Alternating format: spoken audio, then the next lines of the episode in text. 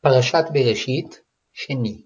אלה תולדות השמים והארץ בהיבראם, ביום עשות אדוני אלוהים ארץ ושמים.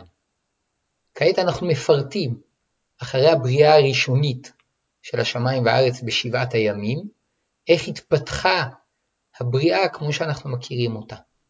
וכל שיח השדה טרם יהיה בארץ, וכל העשב השדה טרם יצמח, כי לא המטיר אדוני אלוהים על הארץ, ואדם אין לעבוד את האדמה.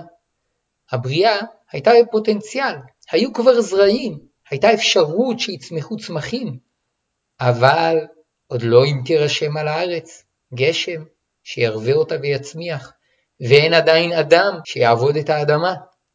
ועד יעלה מן הארץ וישקע את כל פני האדמה. הנה עולה העד מן הארץ, מצטבר לעננים, ומוריד גשם ומשקה את פני האדמה. וייצר אדוני אלוהים את האדם עפר מן האדמה, ויפח באפיו נשמת חיים, ויהי אדם לנפש חיה. וגם ברא השם אדם, שיוכל לעבוד את האדמה, לעבד אותה. וייטע אדוני אלוהים גן ועדן מקדם, וישם שם את האדם אשר יצר. נטע השם גן, ושם שם את האדם. ויצמח אדוני אלוהים מן האדמה כל עץ נחמד למראה וטוב למאכל, ועץ החיים בתוך הגן, ועץ הדעת טוב ורע.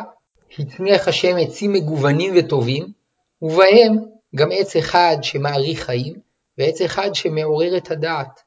ונהר יוצא מעדן להשקות את הגן, ומשם ייפרד והיה לארבעה ראשים. מהעדן הזה, מהארץ הנפלאה הזאת, יוצא נהר שנפרד לארבעה נהרות. שם האחד פישון, הוא הסובב את כל ארץ החבילה אשר שמה זהב. וזהב הארץ ההיא טוב, שמה בדולח ואבן השוהם. ושם הנהר השני גיחון, הוא הסובב את כל ארץ כוש. מקובל שהנהרות האלו הם המרכיבים את הנילוס, ואת הזהב הטוב דרשו על ארץ ישראל.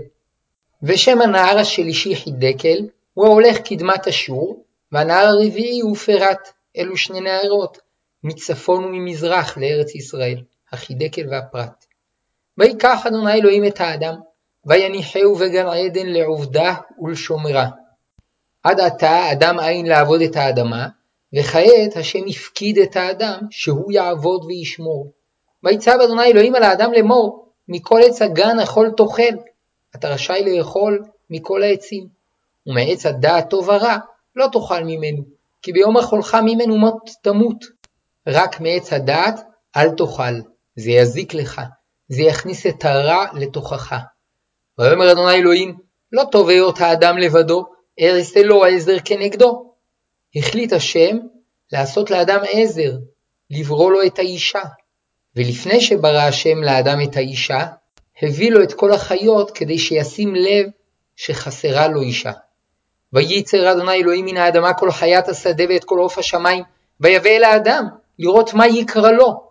וכל אשר יקרא לו האדם נפש חיה, הוא שמו. האדם קורא לחיות שמות, הוא קובע את תפקידן, ומתוך כך הוא מגלה שהוא עדיין חסר, אינו שלם, וחסרה לו האישה.